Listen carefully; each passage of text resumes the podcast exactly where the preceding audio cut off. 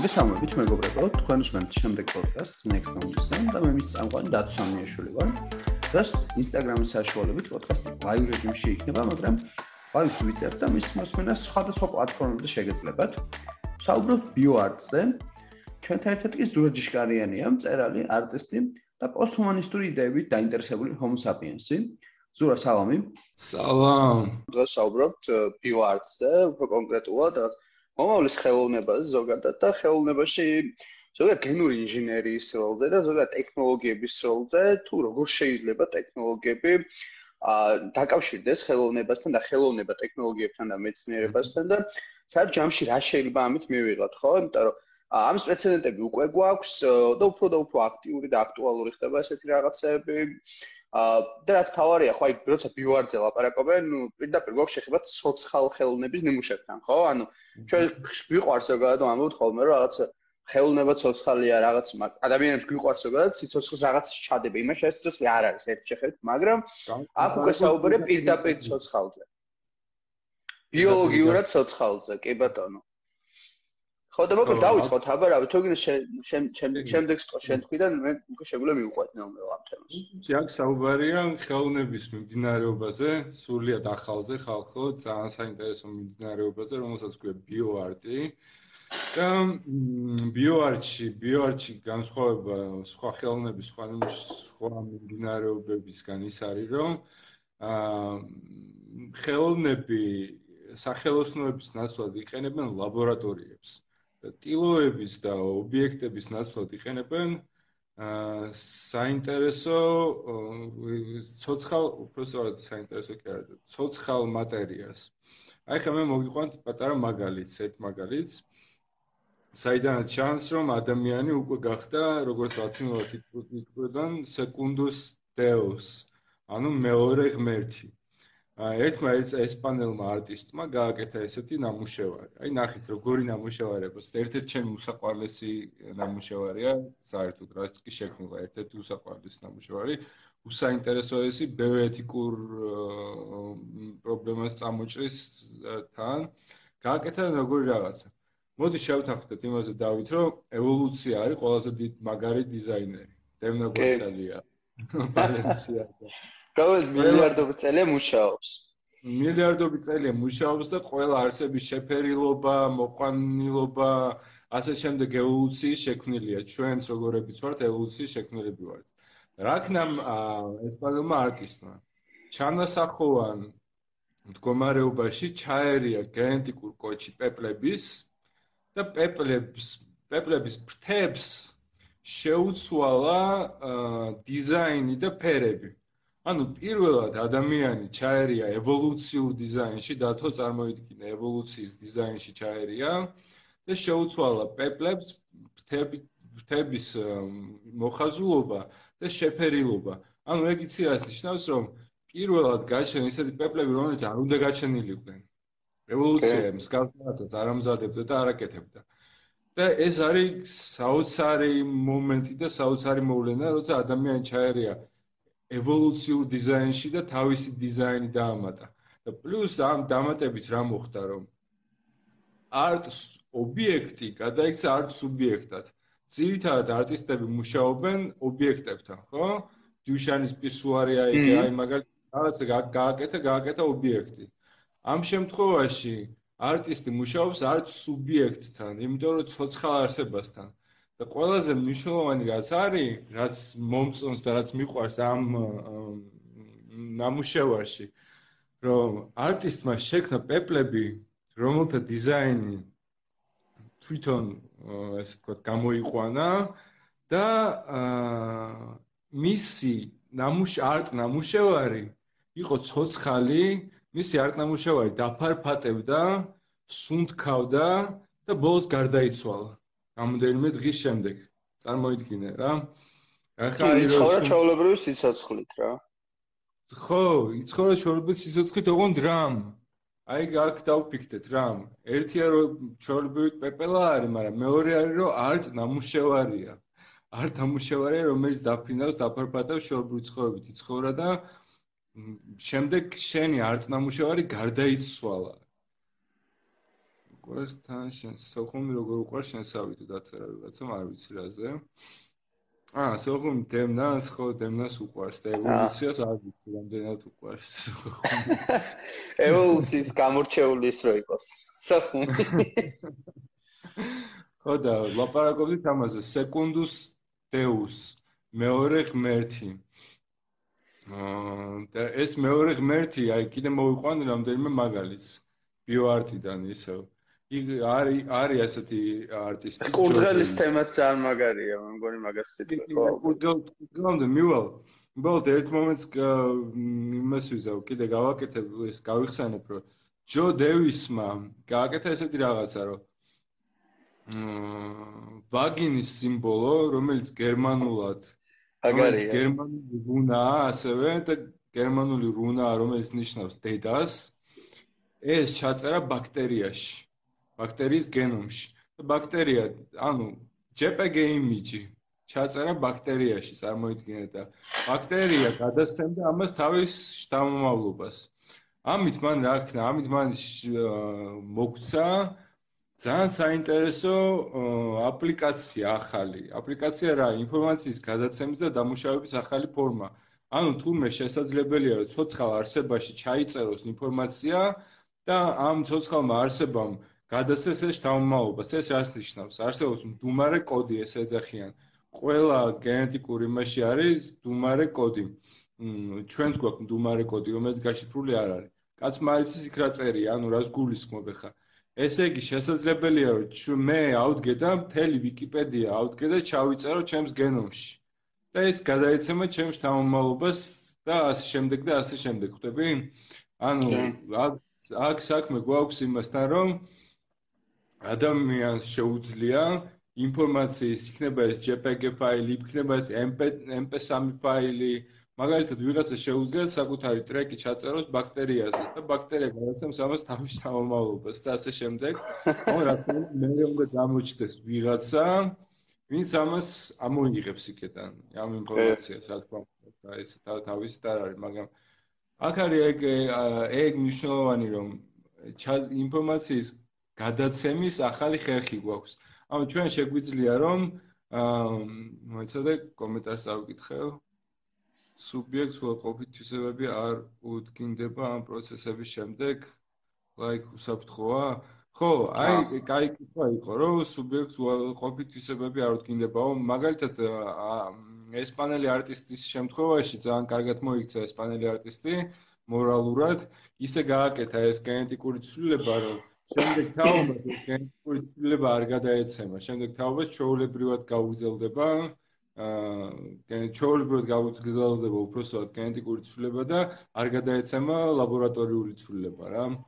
ანუ აქ მოიკურა სწორად, რომ გააკეთა მხოლოდ ერთ იმაზე.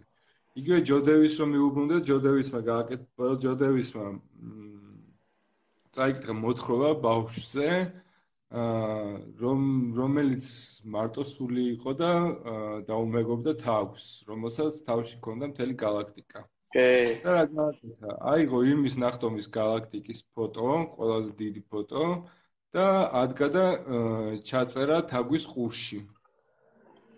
ანუ იმის galaktikis სალამ სალამ იმის galaktikis ფოტო ჩაწერა თაგვის ყურში და ის თაგვი რომელსაც იმის galaktikis ფოტო თან დააქვს გადასცემს ამ ინფორმაციას თავის თამამალობას რა. და ჰაბლის ტელესკოპის გადაღებული ირმის galaktika ყველაზე დიდი რომელიც გვაქვს ის ახლა არის რომელიღაც თაგვის ყურში გენეტიკაში ჩვეულებრივად ჩაწერილი რა და გადაეცემა თაობიდან თაობას. საოცარი პერსპექტივები ეხსნება ბიოარტს აი სამ კურდღელამდე კურდღელამდე მივალ საოცარი პერსპექტივები ეხსნება იმ ხრივ რომ ნელ-ნელა ადრეს ვლაპარაკობ ჩვენ ამ თემებზე რომ რაღაცებზე ფასები კლებულობს იგივე ლაბორატორიულ თემებზე რა. სალამ სალამ ტომსო ვიღაცამ დაწერა და სალამ ტომს თეკლა. აა და ფასები კლებულობს. არტისტებს უფრო მეტი საშუალება აქვს რომ მიმართონ ლაბორატორიებს ამა თუ იმ ექსპერიმენტის გასაკეთებლად. და არტისტებმაც დაიწყეს, აიღეს და დაიწყეს მსგავსი ექსპერიმენტების კეთება. პეპელაზე რო ლაპარაკობდი, ეგ მე ვარო ვიღაცამ დაწერა. ყველანი პეპლები ვარ სხვათა შორის, აი ვარსკვლავებს თუ შევადარებთ, ან ზოგადად ციურს ხელებს, ხო, ჩვენი სიცოცხლის პერიოდ მართლა პეპლები ვართ. წამში ვჩდებით, წამში ვქრებით, არც რაღაც ქმნილებებისთვის, რომლებიც მილიარდობით წელი ცხოვრობენ, ხო, ამ შემთხვევაში საუბარი არის ვარსკვლავებზე რა. ზუსტად შედარებას თუ ავიღებთ მართლა პეპლები ვართ და ზოგიერთი შეიძლება ის პეპელა ვართ რომელიც გამოყვანილია სპეციალური ფრთების დიზაინით და განსხვავდება სხვა პეპლებისგან ასე ვთქვათ რა. კი. სამ ფახი გვერდდება მასშტაბები და შეზღუდვები. მასშტაბები და შეზღუდვები, აი ძალიან საინტერესო მომენტია. მასშტაბები ძალიან დიდია. შეზღუდვებზე, აი ახლა ვილაპარაკოთ შეზღუდვებზე, მაგალითად მოვიყვანთ სამ მაგალითს, სადაც DNM-ი განხილულია როგორც პროგრამირების ენა DNM-ს თუ შეხედავ როგორც პროგრამირების ენას, ეგ ნიშნავს, რომ შეიძლება მისი გადაპროგრამირება, ხო და დავით. შეიძლება მისი გადაპროგრამირება, შეიძლება მისი სხვა კოდთან მიერთდება, მიერთება და ასე შემდეგ. და აი ეს კურდღელი რომელიც შენ ახსენე. არის ბრაზილიელი არტისტი ედუარდო კაც რომელმაც ედუარდო კაც. კაც ხო ქართულად კაცი გამოდის კაცური კაცი აა რომელმაც რამდენიმე ექსპერიმენტი გააკეთა გეტყვით ახლა ეხლავე პირველს დავიწყებ კურდღლის. მანდაც ესეთი რაღაც გააკეთა ჩანასახოვან პერიოდში კურდღლის გენში ჩადო მწვანედ მანათობელი მედუზის გენები. რაც ნიშნავს, რომ გაჩნდა კურდღელი, რომელიც ღამე მწვანედ ანათებდა. და თავიდან დაიწერა სტატიები, აი ვიღაცამ არ მინდა გავმაზო, ძალიან საინტერესო რაღაც დაწერა. ანუ ჩვენ ბიოლოგიური კომპიუტერები ვართ, ხო? ზუსტად 100%-იანი ბიოლოგიური კომპიუტერები ვართ. კომპიუტერები ვართ, აი ზუსტად, აი ძალიან კარგად აღწერე შენ და ზუსტად ესე უყურებენ ის ამას, რომ ჩვენ ვართ ბიოლოგიური კომპიუტერები, რომელთა გადაპროგრამება შესაძლებელია. და ის ხოთა შორს ახლა აი CRISPR-ი რასაც აკეთებს, ხო, მე მე მინდა რომ მაგაზეც ვისაუბრო მე პროსტა რა, ჯერ მივიდეთ იმ კურდღელზე. არ იდეა შეიგაა რა, როდესაც ჩვენც კი შეგვიძლია უკვე შევქმნათ ტექნოლოგია, მაგალითად CRISPR, რომელთაც გენურ ინჟინერიას ვახდენთ, ხო, ცოცხალ ორგანიზმებში და ნუ ამან კიდე ცალკე სადღაც შეიძლება წაგვიყვანოს რა. კი, კი და თან იცი როგორი მომენტია, დავით, კურდღელს მე მეუბრუნდე თუ გინდა და უცებ აქ ჩაგერთვები გამახსენდა. აა პლუს ჩვენ კაცობრიობას ქვეცნობიერს ისედაც გვიძავს ეგ რაღაცა ქიმერები გახსოვს? კენტავრები ადამიანი, ცხენი, ცირინოზი ადამიანი ზუსტად. ჰიბრიდები რაღაც.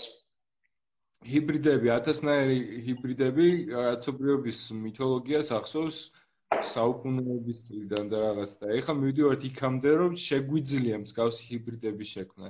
შეგვიძლია მსგავსი ჰიბრიდების შექმნა, მაგრამ მეორე მომენტია რომ ერთია რომ კი ბატონო, შეგვიძლია, მაგრამ მეორეა ღირს თუ არა, გვინდა თუ არა, უკვე მორალური რაღაცები შემოდის და აი მორალურ რაღაცებში ისევ და ისევ წინასაუბრებში რაც იყო, მაგას გავახსენებ ჩინეთის მაგალითს რა. ძალიან დიდი ინტელექტის გადინება მიდის დასავლეთიდან ჩინეთისკენ, იმიტომ რომ დასავლეთში ბევრი ეთიკური, მორალური რაღაცის გამო ბევრი რაღაცა იზღუდება ჩინეთს სულ სხვანაირი ფილოსოფია აქვს, სულ სხვანაირი ჩინეთზე ვაფშე წავიკითხე, სადღაც ძალიან მაგარი რაღაცაა, რომ ჩინეთი არის ცივილიზაცია, რომელიც მასკირებას ახდენს როგორც ნაცია. ხოდა მართლა სულ სხვა ცივილიზაციაა და საერთოდ არ აქვს ის შეზღუდვები, რომელიც აქვს მაგალითად ევროპას და ამერიკას. ამიტომ ძალიან დიდი გადინება მიდის ახლა ჩინეთში ტვინების. მაგ მაგას თავიდანებე თან ისიც არის რომ ეს ექსპერიმენტების შეზღუდვა ნაკლებად აქვს მან დრო რამე და რა ვიცი მაგ ხრივ შეიძლება ბევრად უფრო რაღაც კუთხით წინ წავიდე რა. და თუ ეს მეთოდი არასწორი უბრალოდ სუდი ადამიანის ხელში აღმოჩნდება მაშინ რა ხდება? აი ძალიან ყოველთვის არის. ჯერჯერობით ბიოარტი იმდენად ახალია იმდენად ახალია რომ კანონებიც კი არ არის შეზღუდის შემოტანილი მაგალითად ესეთი რაღაცა მოხდა რომ ბიო ერთ-ერთი ბიოარტისტის სოლი გარდაიცვალა სულად გახდა თუ რაღაც ეს გავსი რაღაცა იყო ამან დარეკა 911-ში მოვიდა დახმარების მანქანა, მოვიდა ასე პოლიცია და პოლიციამ აღმოაჩინა ამის ლაბორატორია. და ეს ამ ლაბორატორიაში მუშაობდა მცენარეების რაღაც გენურ ინჟინერიაზე რა. არაფერი ისეთი აბსოლუტურად უსაფრთხო და ეგრევე დააკავეს. დააკავეს, წაიყვანესო ეს ლაბორატორია რაღაცეები და სამ სპეციალისტები არ ჩაერთნა და არ ნახეს რომ მართლა არაფერი ისეთი პროსტა იყო ბიოარტისტი. მე გამოუშვეს, მაგრამ ხო ხტები ანუ რეალურად ვიდეობით კანონებიც არ არსებობს მაგისი რა, მაგის დას დასარეგულირებელი, იმიტომ რომ ახალია აბსოლუტურად. კაი, მიუბრუნდეთ კურტღელს. კურტღელი იყო მწვანე დაანთებდა ღამე. ძალიან ცნობილი იყო თავის პერიოდში. კუსტაულად ვერ ვიზავთო, ხო და ვიზავთ კუსტაულად, კი არა და უკვე არიან ჯგუფები, რომლებიც კუსტაულად აკეთებენ DIY bioart ჯგუფები არსებობენ უკვე და ცდილობენ რომ კუსტაულად გააკეთონ რაღაცები. აი ხო არიან კიბერპანკ ჯგუფები, რომლებიც უფრო აწვევიან ტექნოლოგიებს, ტექნოლოგიებს რა უფრო აი ესე ვთქვათ hardware-ს, რა რკინას და ესენი აწვევიან wetware, ანუ ქართულად სველი ტექნოლოგიები რა. აჰა. სველი ტექნოლოგიები, ის თუ არის hardware, ეს არის wetware, ანუ სველი ტექნოლოგიები რა, რასაც ქვია და ძალიან მნიშვნელოვანია საიწავა მომავალში ეს ყველაფერი კიბერპანკისკენ წავა თუ ბიოჰაკინგისკენ წავა თუ რაღაცა შერწყვა მოხდება ამ ორი რაღაცის. შემდეგი რა ორივე შერწყვა მოხდება, მან მე მაინც ეგრე მგონია. არ მგონია რომ ეს სალცალკე განყენებულად იყოს რა, ორივე ალბათ ერთობლივი იქნება. ხო, პროსტა იცი რა არის, ჯერჯერობით სალცალკე მიდიან, სალცალკე ზევით მიდიან, მაგრამ იმედია გაერთიანდება რა, იმიტომ რომ ერთი მეორეს ხელს არ უშლის, პირიქით ერთი მეორეს ძალიან ეხმარება რა. კი. რო გამიტანოს. მეორე რაც გააკეთა ედუარდო კაცმა არის ესეთი რაღაცა აი თავისი სისხლი აიღო სისხლის ნიმუში აიღო უბრალოდ სისხლიდან აიღო გარკვეული ნივთიერება რომელიც რაღაც პროცესს აკეთებს სისხლში და ეს თავისი სისხლი შეუშვა სცენარის ორგანიზმში რომელიც იქ იქ იქაც აკეთებს იგივე ფუნქციას. და გააკეთა ესეთი მცენარე, რომელსაც ჰქონდა წითელი ვენები, რომელშიც იყო ადამიანის სისხლი. და ყველაზე საინტერესო რაც გამოვიდა და თუ იცი რა არის, რომ ერთის მხრივ არის მცენარე, რომელსაც აქვს ცხოველის გენები. ხვდები?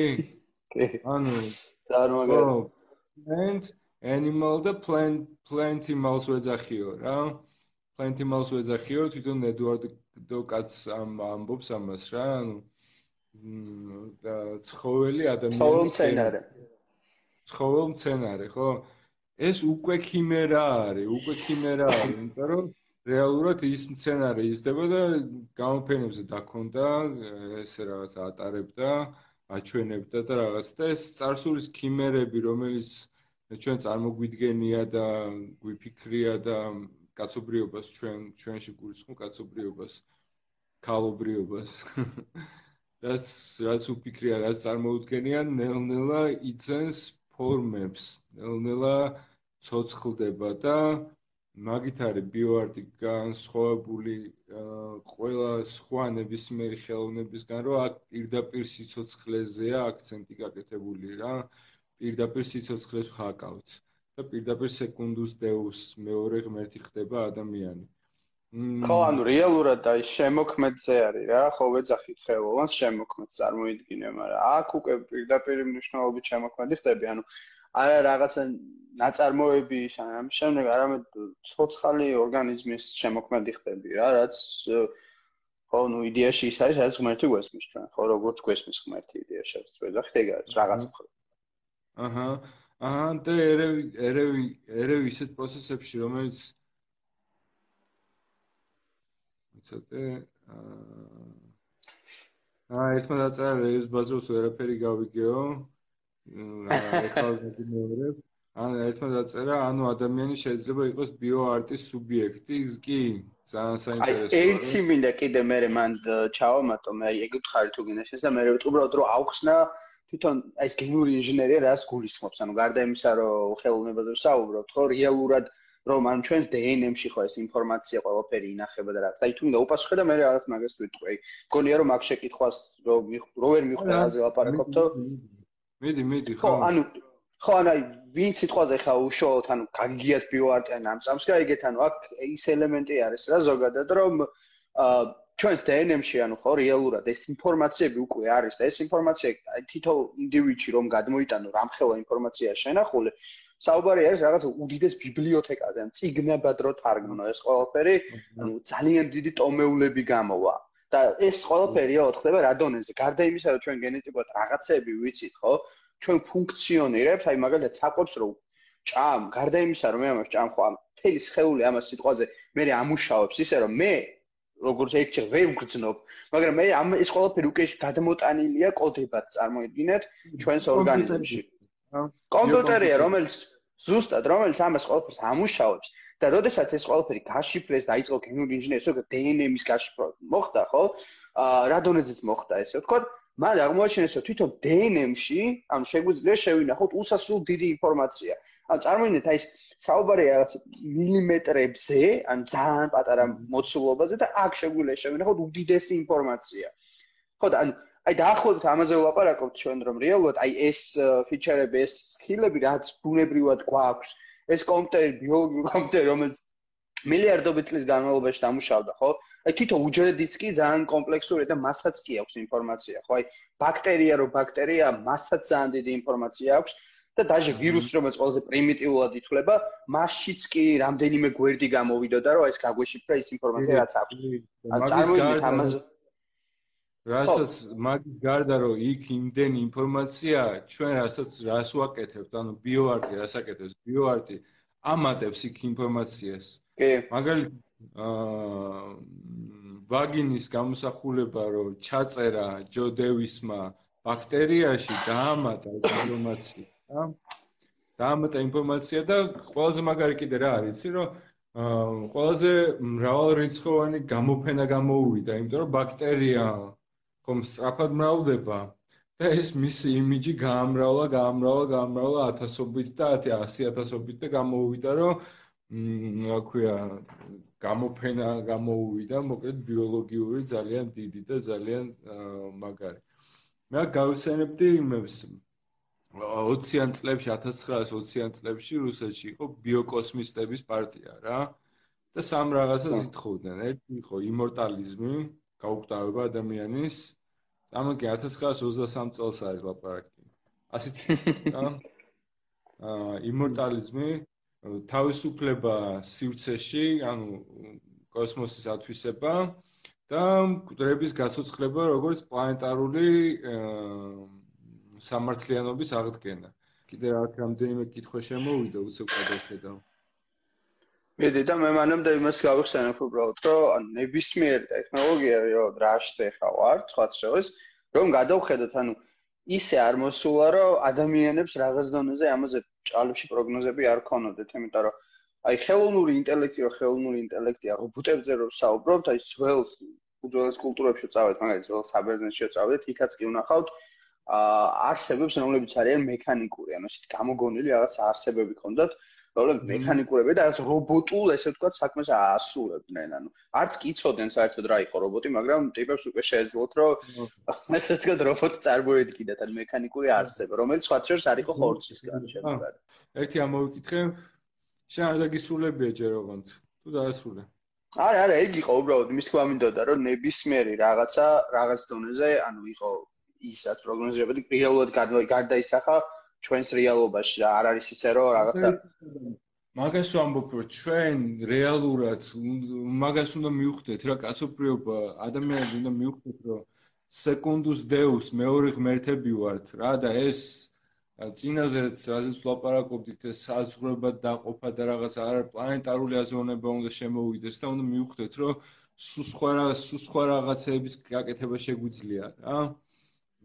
და გვაქვს ამის ტექნოლოგია და ამის რესურსები და ამის შესაძლებლობა. საპროტესტო სამწუხაროდ პლანეტაზე ძალიან ცოტა ადამიანი ფიქრობს ამაზე. რაც უფრო მეტი ადამიანი იფიქრებს, რაც უფრო მეტი ადამიანი გააკეთებს, მით უფრო წინ წავალთ და მე შეიძლება მართლა დაიყოს ქვესახეობად კაცობრიობა არ მაქვს მაგის პრობლემა პირიქით ფიქრობ რომ ძალიან საინტერესო აქ იყო ესეთი კითხვა და ვინ შექმნა ეს ბიოლოგიური კომპიუტერი ანუ რაღაც მომენტში ჩვენს ექსპერიმენტის შედეგები ვართ როგორც planet animal მე უპასუხებდი ამას რომ ეს ბიოლოგიური კომპიუტერი შექმნა ევოლუციამ ხო?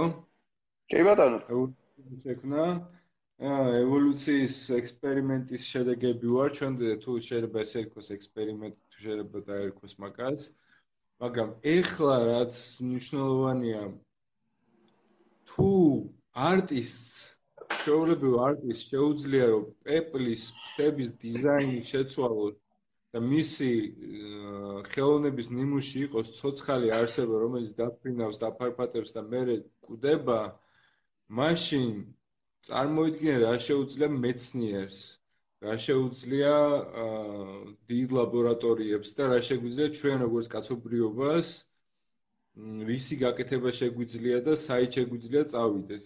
რა თქმა უნდა, აქ დადგება აუცილებლად მალე დადგება მორალური დილემები, და ეს დიალოგები მაგისტრის არის უფრო საჭირო რომ დავიწყოთ ამაზე ფიქრი რა დილემები შეიძლება დადგეს სად არის ზღვარი სად უნდა გავჩერდეთ თქვა აქ ერთი კითხვა იყო რომ შეიძლება თუ არა რომ სუპერ ადამიანიც შეიქმნასო რა თქმა უნდა შესაძლებელია და დიდი ალბათობით ჩინეთი გააკეთებს მაგას პირველი მე გემგონია რატომღაც რა. აი გადაკარო არის ფილმი ხო? ხარ მე მგონი წინა ლაივზეც იყო თუ ერთ-ერთი ლაივზე ახსენეთ კიდევაც მან არის ზუსტად ეს სუპერ ადამიანების მომენტი ძალიან კარგად. კი კი კი და თუ გაჩნდება ადამიანი რომელსაც ტვინის გამოთვლითი სიჩქარე ექნება ჩემზე დათოზე თქვენზე 100ჯერ მეტი მანდ უკვე საუბარი არ ვიცი რაზე იქნება რა ანუ რაზე დადგება საუბარი აა რომ უკვე უკვე სხვადასხვა სახეობა ვიქნებით რა. იმიტომ რომ ის გააკეთებს 10-ჯერ, 100-ჯერ უფრო მეტ რაღაცას და რას გააკეთებს არ ვიცით, იმიტომ რომ 10-ჯერ უფრო მეტი ინტელექტი არ გვაქვს ახლა და 10-ჯერ უფრო მეტი ინტელექტი რო გქონდეს, რას გავაკეთებდით არ ვიცით რეალურად. კოსმოსში შევისწავლიდით უფრო მეტად თუ რაღაცა სოციალური წესრიგის დამყარებაზე დავიწყებდით ფიქრს თუ რა ირა რას ვიზავდით? შენ რას ფიქრობ დავით? 10 ჯერ მეტი ინტერესი კონდეს აა როგორ რაღაცა იცი ანუ მე მგონია რომ ანუ რა თქმა უნდა ეხა იმას შევერ ვილაპარაკებთ კონკრეტულად რას ვიზავდით იმიტომ რომ ვერ წარმოვიდგენ ანუ აი ეგაა ზოგადად მუღამი რომ ბიოლოგიურად ხო? ანუ არ შეცვლა ადამიანი უკვე ძალიან დიდი ხანია და ჩვენი წინაპრები რომლებიც პირობითად homo sapiens-ები იყვნენ უკვე და გამოქვაბულში ცხოვრობდნენ. კედლებზე რომ რაღაცას ამოსახავდნენ რა რაღაცას წარმოვიდგენ ბიოლოგიურად იგივე ტიპები იყვნენ უბრალოდ ჩვენ ახლა გვაქვს ტექნოლოგიები ხო რასაც ვიჩერებად ვიყენებთ და იმიტომ რომ ბევრი რაღაცა ემთხვევა. უძველეს კულტურებში ხო წარმოვიდგინათ პირობითად რაღაცა მექანიკური არსება დღეს ჩვენ შევქმნით ეს მექანიკური არსება. მაგრამ როდესაც ვაპარაკობთ უკვე იმ ხელა რაღაცაზე რაც არის გინდათ სულ სულ მცირეოდენი მაგრამ სულ ცოტათი მაინც უფრო განვითარებ გონებრივად ან ბიოლოგიურად სხვა სხვა რაღაც მახასიათებლი ჭება სხვა მახასიათებელი იყოს, ხო? მათ შორის არა მარტო ის რო სიტყვაზე გამოთვლა ან აზროვნება შეიძლება უფრო სწრაფად. ვაპარაკოთ ესეც სხვა არსებობაზე. აქ უკვე იმხელა ნახტომია, რომ მთელი ეს 200.000 წელი Homo sapiens-მა რაც გაიარა, უკვე სხვა შეწყვეტიც აღარ არაფერი არ არის იმასთან შედარებით. ანუ მე პირობითად აი შენ რასაც ამბობდი ხა რა, ლაბორატორია შეიძლება ხვალ პირობითად რა თქმა უნდა გამოიყვანონ რაღაც არსება, რომელიც პირდაპირ იმხელა ნახტომს აკეთებს, რაც კაცობრიობას დასჭირდა 200.000 წელს არ ეხო. ანუ ერთ დღეში შეიძლება ვიღაცამ ეს ნახტომი გააკეთოს რა. და წარმოიდგინე ხა ჩვენ ვიოპარაკოთ იმაზე თუ მე ეს რას იზამს. მე მგონია რომ ფაქტიურად შეუძლებელია რაღაც დონეზე ვილაპარაკოთ თუ ის რას იზამს, იმიტომ რომ ჩვენ შეიძლება ვილაპარაკოთ მაგალითად თუ არ გაგჩნდა გენური ინჟინერია იმ დონეზე არ განვითარდა რომ ბიოლოგიურად შევცვალა, ან ხელოვნური ინტელექტი არ განვითარდა იმაზე რომ ფიზიკურად შევცვალა. აი ესეთ მომავალზე შეგვიძლია ვილაპარაკოთ. ხო აი მაგ ფანტასტები რას აკეთებენ ხო სულ ამას აკეთებენ ხო მათ შორის ფუტურისტები და ასე შემდეგ. ბიოპოლიტიკაზე მაგალითად, ბიოპოლიტიკაში იმას რომ სად არის საზღვრები, სადაც სეკუნდუს დეუს ეს მეორე ღმერთს საზღვრები აქვს თუ არა აქვს? მაგალითად რა, იმიტომ რომ ერთის მხრივ ხელოვნური ინტელექტის აჩრდილი გვადგას თავზე, ხო? მეორეს მხრივ ბიოლოგიური გარღვევების. რასაც ბიოარტი მოწმობს, იმიტომ რომ სადაც კურდღელს ქნი მედუზის გენების და იმაში რა ქვია თაგვის ყურში ხემის რა ქვია ირმის ნახტომის galaktikis ფოტოს დებ და მსგავს რაღაცებს აკეთებ. მეორე მხარეს დგას ბიოლოგიური ნახტომის აჩრდილი რა. ეს ორივე ერთად ერთად ძალიან წარმო ძალიან საინტერესო წარმოსადგენია. ერთად როგორ შეიძლება ამის წარმოქმნა ერთ სამყაროში. ამ ორივე რაღაცის რა. ერთის მხრივ რომ ხელოვნური ინტელექტი ვითარდება და მეორეს მხრივ რომ ბიოტექნოლოგიები ვითარდება. ანუ ძალიან საინტერესოა ამ მან მაგას ვკითხულობდი წინაზე რომ ვიკითხე რომ კიბერპანკი კიბერპანკი იქნება ჩვენი მომავალი თუ ბიოპანკი? ხო, მაგას კითხები. ხელოვნური ინტელექტი, AI, Tesla-მ რო რობოტები წარმოადგინა ახლა ილონ მასკმა ხო ცოტა ხნის წინ რაღაც რობოტი წარმოადგინა. ანუ მარკეტინგ წავა, მარკეტინგ უფრო წავა, ეგ უფრო გადაწონის თუ wetware, სველი ტექნოლოგიები რასაც ქვია რა. სადაც უკვე გენური ინჟინერია შედის, ბიოარტი, აი აი გარი საინტერესო, რომელი გადაწონის რა. იმიტომ რომ გენური ინჟინერია და სველი ტექნოლოგიები იყენებენ ხელოვნური ინტელექტის ტექნოლოგიებს. იყენებენ, მაგრამ ხელოვნური ინტელექტი გაჩნდა ცალკე, ის იქნება არაბიოლოგიური. ანუ სველი არ იქნება, ესე ვთქვათ. თუმცა აი მაგაზე ხა გავახსენდა მაგალითად როდესაც ხელოვნურ ინტელექტს ამუშავებენ ხოლმე ხო მის გონებას რომ ამუშავებენ მანდაც ხო არის უკვე ისეთ ხელოვნურ ინტელექტს ამუშავებენ რომელიც ანუ ნეირონულ იმას იმეორებს ანუ როგორც ადამიანის ტვინი ფუნქციონირებს კონცეპტუალურად იმას იმეორებს. ანუ ეს ელემენტები რეალურად მანდაც შედის და იქაც შედის რა და აი რაღაც ძალიან სადღაც მე მგონია რომ აი ესეთ მიდიან მიდიან თუმცა ეს ელემენტები ორივეშია ჩადებული ერთმანეთს სადღაც მოხდება ამის რაღაცა სინთეზი არ ვიცი სიმბიოზი თუ რა იქნება რა. იმიტომ რომ აი მაგაზე რო ვფიქრობ ხოლმე, ან პირობითად როგორ შეიძლება იყოს არსება, ხო, ესეთი მომავლის არსება, ხო? მათ შორის აი მომავლის ხელოვანი როგორ შეიძლება იყოს ესეთი მომავლის ხელოვანი, ხო? ანუ მათ გონია რომ ან თავი ხაზი რაზეც გადის არის კომუნიკაცია. ანუ გულისხმობ იმას რომ ჩვენი კომუნიკაციის ან კომუნიკაციის შესაძლებლობები როგორც გვაქვს კომუნიკაცია არის რაღაც ზონაზე შეზღუდული, ხო? ანუ ძალიან დიდი ნაბიჯი იყო რომ ადამიანმა ესე თქვა ჩვენმა წინაპრებმა მეტყოლება დაიწყეს ხო? ანუ ეს დიდი ნაბიჯია. თუმცა აუცილებლად კიდე იარსებებს ამის შემდეგი ეტაპებიც კომუნიკაციის. ან კომუნიკაცია არის ჩემი ეს ფუნდამენტი რაზეც დგას ცივილიზაცია კი არა და სახეობის განვითარება. ყველ ტექნოლოგიებს და მშრალ ტექნოლოგიებს შორის კომუნი როგორი კომუნიკაცია იქნება ხდები? მე მაქვს სხვათა შორის აა სპოილერით გამომდის საკუთარ თავზე, მაგრამ აი ერთ-ერთი აი ხარაზეც დასუც წერეს მესამე წიგს, მან და რაღაც ეგ ნაწყვეტი მაქვს მან სიუჟეტზე, რომ აა ანუ ერთ-ერთ დროში, სხვადასხვა სივრცით დროით მოცემულობები, ერთ-ერთ დროში ჩდება სიტუაცია, სადაც არის ორი ზე ცივილიზაცია და ერთმანეთს ესენი ეჯახებიან რა. არა იმ გაგებთ როგორც Star Wars-ში ეჯახებიან ბახ-ბახ და რაღაცები. ხვდებიან ერთმანეთს, ასე ვთქვა და აქეთ არის ზუსტად ესეთი სული, ასე ჩვენ ვძახეთ და აქეთ არის ეს hard-ი. ანუ და ერთ მხარეს არის ანუ ხელოვნური ინტელექტის კუთხით განვითარება და მეორე მხრივ არის უფრო და აი ბუნებასთან ჰარმონიით ცხოვრება. ანუ რა გულისხმობ ამაში რა? როდესაც საუბრობთ ხელოვნურ ინტელექტზე, მაგალითად, მან მე უფრო წარმომიდგენია არსებები, რომელსაც სულად გაუცხოება აქვს მაგალითად ხესთან, წყალთან, ყველაფერთან, იმიტომ რომ მათ ეს აღარ ჭირდება. ხო და შესაბამისად, მათთვის ეს აღარ არსებობს. და იმათთვის ხო და აი არის კომუნიკაცია.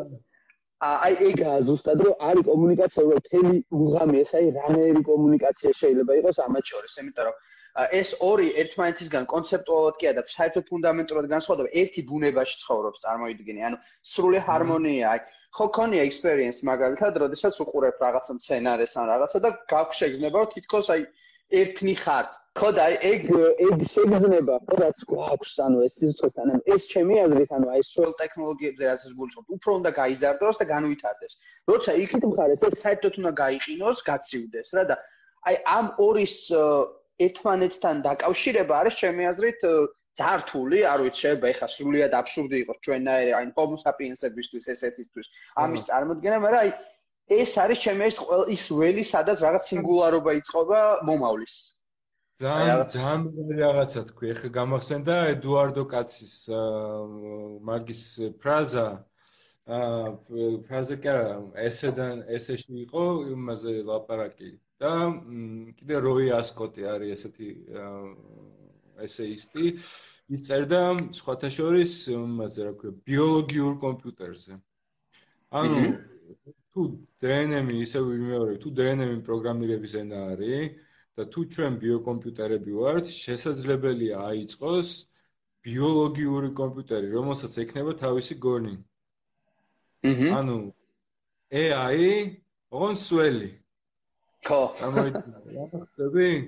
ანუ რომელსაც ექნება კავშირი, რომელსაც რომელსაც მაგალითად AI შემთხვევაში თუ დენიდან გამოაერთებ, ბოლო-ბოლო შტეფსელიდან გამოაძრობ სიტყვაზე ვამბობ და იტყვი რომ მოიცა გაჩერდი და რაღაცა ეს ეს ცოცხალი იქნება.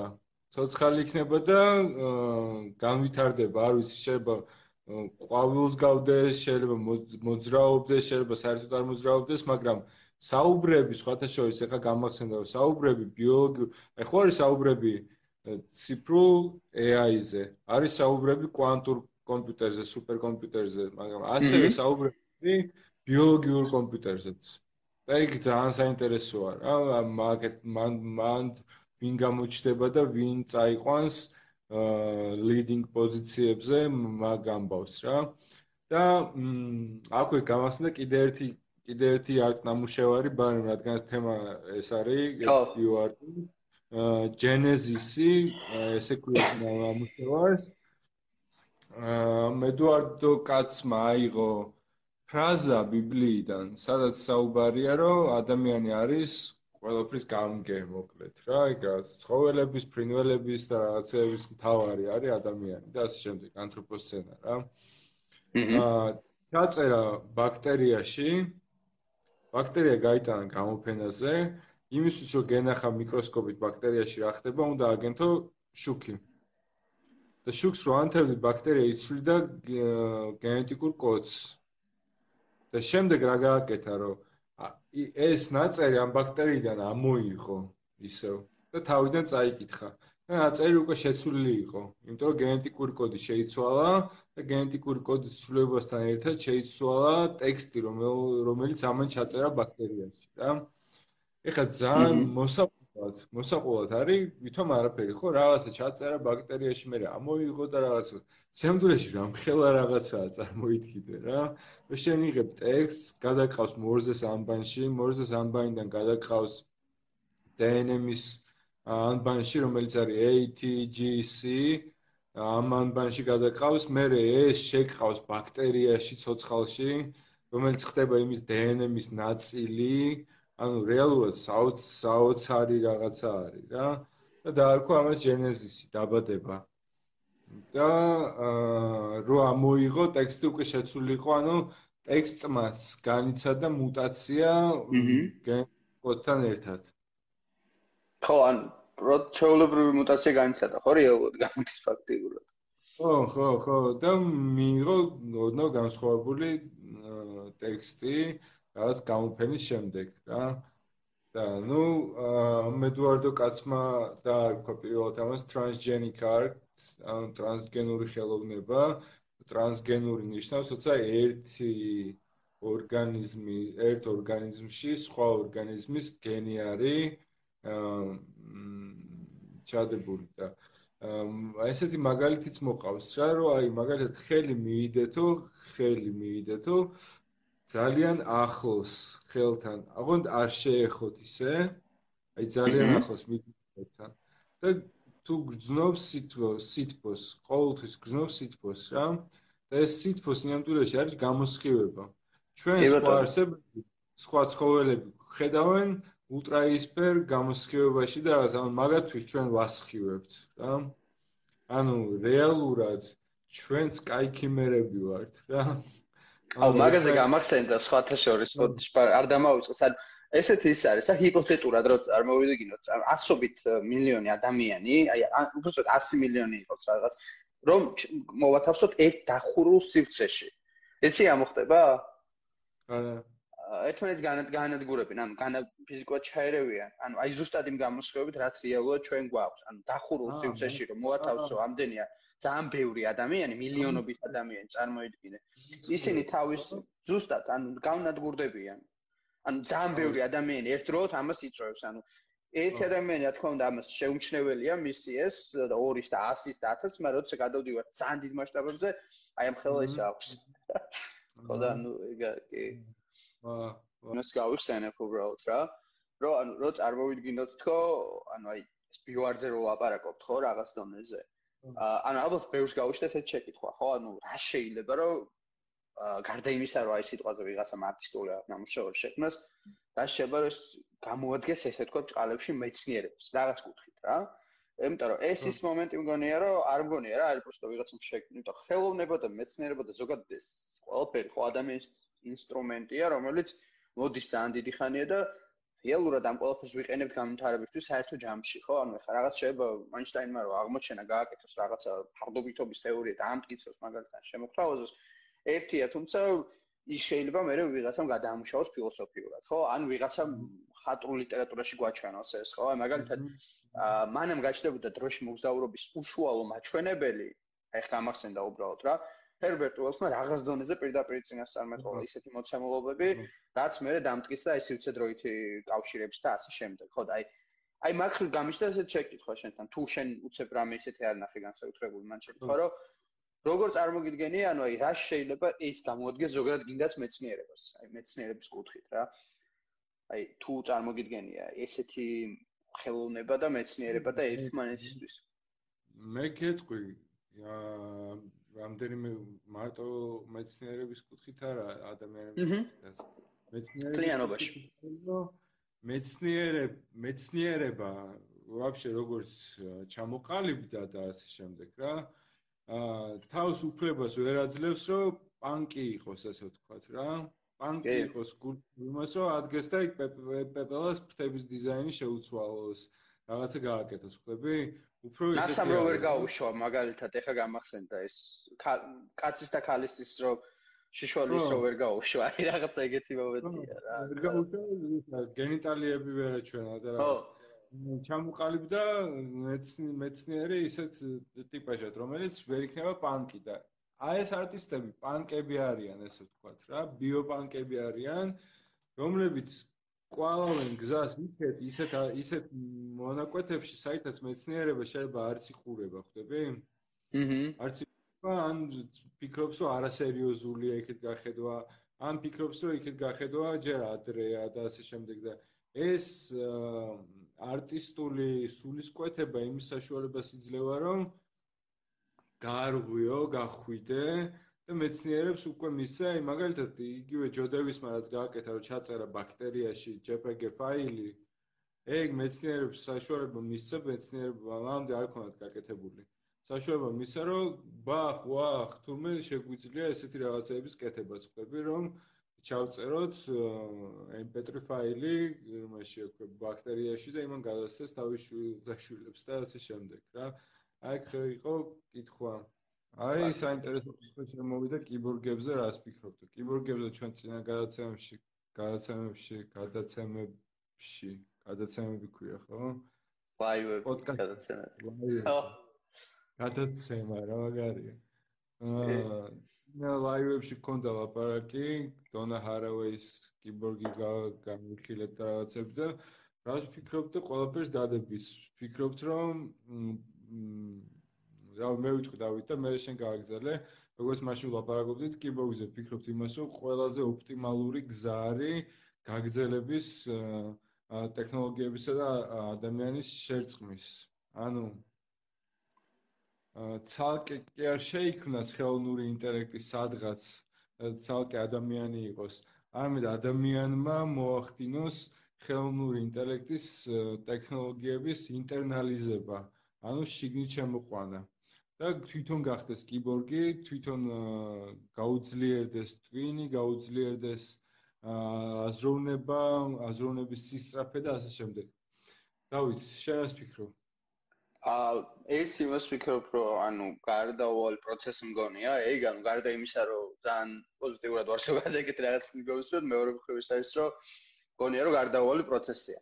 აა თავი მიზეზი რატომაც არის გარდაუვალი, ერთი ის არის, რომ ნაწილობრივ შენს თვი კიდევაც, რომ ანუ თუ და იდეაში ამაზე ვლაპარაკობთ ხოლმე ხშირად, რომ თუ გვინდა რომ რაღაცა პროგრესის მომსწრენი გავხდეთ და განვითარდეს რაღაცები და არ ვიყო, რაც თავი არ ვიყოთ ისეთ უსუსურები როგორც დღეს ვართ, აუცილებლად უნდა შევიცვალოთ, ანუ შევიცვალოთ როგორც აქ გონებით, გონებრივი შესაძლებლობით, იმიტომ რომ ძალიან ბევრი манипуლირებს ხოლმე მაგით, რომ აი ადამიანებიო არიანო არსებებიო, იმღეთ რა სტატია გქონდა სხვა შორს იმაზე თუ სამყაროს შექმნის თეორიებზე რა. და მანდი ყოველთვის ერთ-ერთი ესეთ კომენტარი, რომ ადამიანს მუჭის ხელა ტვინი აქვს და ამითო უნდაო მიხვდესო იმასო თუ რა არის სინგულარობაო და ჰაიდან წამოვიდა სამყაროო რა და ხო და ეგ არის რა, ეხლა ვიღაცა მაგას არგუმენტად მართლა გეტყვის, იმიტომ რომ ძალიან რაღაც დონეზე მართლა ცოტა აბსურდულად ჟღერს, რომ შენ ეხლა უცებ გინდა წარმოიდგინო და განსაზღვრო ის თუ რა იყოს სივცე დროის დრომდე და საიდან წამოვიდა ეს ყველაფერი რაღაცა ბიოლოგიური ბიოლოგიური ჩამოყალიბებული ტვინისგან, რომელიც მართლა უმჭისხელაა და იქ კი არის ტრილიონობით ნეირონი, მაგრამ ნუ მაინც თავისი ლიმიტები აქვს. რა თქმა უნდა, თავისი ლიმიტები აქვს და ამას ძალიან შეძლო აწლებით ხოლმე ყოველდღიურ ცხოვრებაში ჩვენს ადამიანებს. კიბორგი, კიბორგი ხსნის ამ ლიმიტებს. ანუ თუ ჩვენ მოვხდენთ ინტერნალიზებას ტექნოლოგიების, შეუერთდებით ტექნოლოგიებს და თუ თქვა ჩემი ტვინის გამოთვლითი სისწრაფე გამით გაიზრდება 300ჯერ, 400ჯერ, რა თქმა უნდა, გაცილებით მეტი რაღაცის შეცნობა შემეძლება და გაკეთება შემეძლება, ვიდრე ეხლა ჩვეულებრივი ბიოლოგიური ტვინით, რომელიც კი ძალიან დიდი მადლობა ევოლუციას, რომ აქამდე მოიყვანა, მაგრამ არ ყოფილი მეტი გვინდა რა. ხო, აი ეგ არის. სულ მეტი გვინდა ზოგადად ადამიანებს, რომ დავაკვირდეთ, ყოველთვის მეტი გვინდოდა და ეხლაც მეტი გვინდა. განსხვავება რა არის? ეხლა მე და შენ რაზეც ვაპარაკობთ? სუ სხვა რაღაცა არის ვიდრე ისაც კაცობრიობის უდიდეს ნაწილს უნდა. კაცობრიობის უდიდეს ნაწილს მეტი უნდა on უნდა მეტი რა მეტი მანქანა მეტი ნაშა მეტი საჭმელი მეტი რაღაცა ხო ხდები რა. და მე და შენ ხარ ასე ეგ ეგ ეს ეგ ის მეტი არ არის. სხვა მეტი რაღაცა გვინდა ჩვენ რა. და და რა ის რო პოსტა რაღაც ეგრე არ არის მეტი ტერიტორია იმ დღეს უყურებდი arrivals და სანსკრიტზე ომი ნიშნავს რა იცი? მინდა მეტი ძროხა მინდა მეტი ძროხა. ძროხა. ხო მინდა მეტი ძროხა ნიშნავს ომს სანსკრიტზე რა.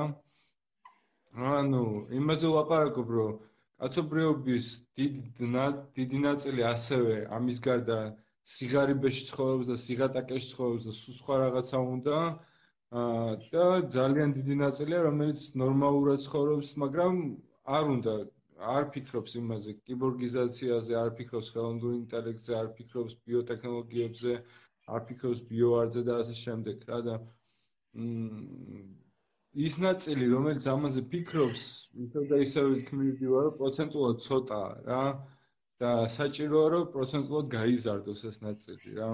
პროცენტულად გაიზარდოს. ხო. აი მან რა არის? იცი მე როგორ უყურებ იცი რომ მაინც საბოლოო ჯამში ხა ჩვენ თუ ნებისმიერ ადამიანს საბოლოო ჯამში მე ესე მგონია რომ ყველანი ფიქრობთ იმაზე რომ გადავჭით რა. ანუ გადარჩენა შეიძლება იყოს ინსტინქტურ დონეზე შეიძლება იყოს რაღაც სახეობის გადარჩენა შეიძლება იყოს ინფორმაციის გადარჩენა რომელიც ჩვენ გვაქვს. ან პროსტ აი სადღაც გასაჭირში ვარ და მინდა რომ გამოვძვრე და გადავჭე რა. ხო და ეს რაზე ჩვენ თქვი რომ ანუ აი სიტყვაზე მოთხოვნილებები ხო რომ მინდა უკეთესი მანქანა პირობით რაღაც ნაშები მინდა ან რა ვიცი მე რავი რაღაცა მინდა რა ესეთი ესეთი რაღაცა მინდა და ამასთან ერთად შეიძლება მინდა გინდაც კიბორგების მინდა. აი მე რაღაც დონეზე ამათ პაბლშოუ ესე თქვა რა. მაინც რაღაც დონეზე ერთი მაშინ შევიყვანდი რა კუთხით. რა იმ კუთხით რომ ანუ მე მგონია რომ სადღაც ეს კოდი რომელიც ჩვენში ყველაშია რომ უნდა გადავრჩეთ. პროსტა, უნდა გადავრჩეთ რა. აა ეს იმდენად ძლიერია, რომ უბრალოდ სხვადასხვა ფორმებს იღებს შემდეგ ჩვენ სოციალიზაციის დროს. ანუ სხვადასხვა გარემოში ვხვდებით, წრეში ვხვდებით, წიგს რაღაცას წავიკითხავთ და შეიძლება მე შემცვალ. მე პირადად ჩემი გამოცდილებით ძალიან დიდი დასაკამდე ისე ვიყავი, რომ საერთოდ არ მაინტერესებდა პირობითად რაღაც თემები, რაც უცებ მე ძალიან დამაინტერესდა. აჰა. თავისუფლად შეიძლებოდა რომ ეს გარდა ტეხან, გარდა სხვა არ მქონოდა და ისე ისე გამიგზელებინა. ამიტომ გონია რომ ყველაფერი რაღაც დონეზე გამოძრავებს იმის გამო, რომ გადავრჩეთ და ეს გადარჩა, აი აი მაგალითად გამრავლება, ხო?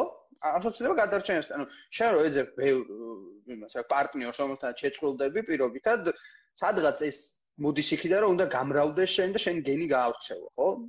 გაზრდილი გაუაზრე. ე კიბორგი ნაშებიო.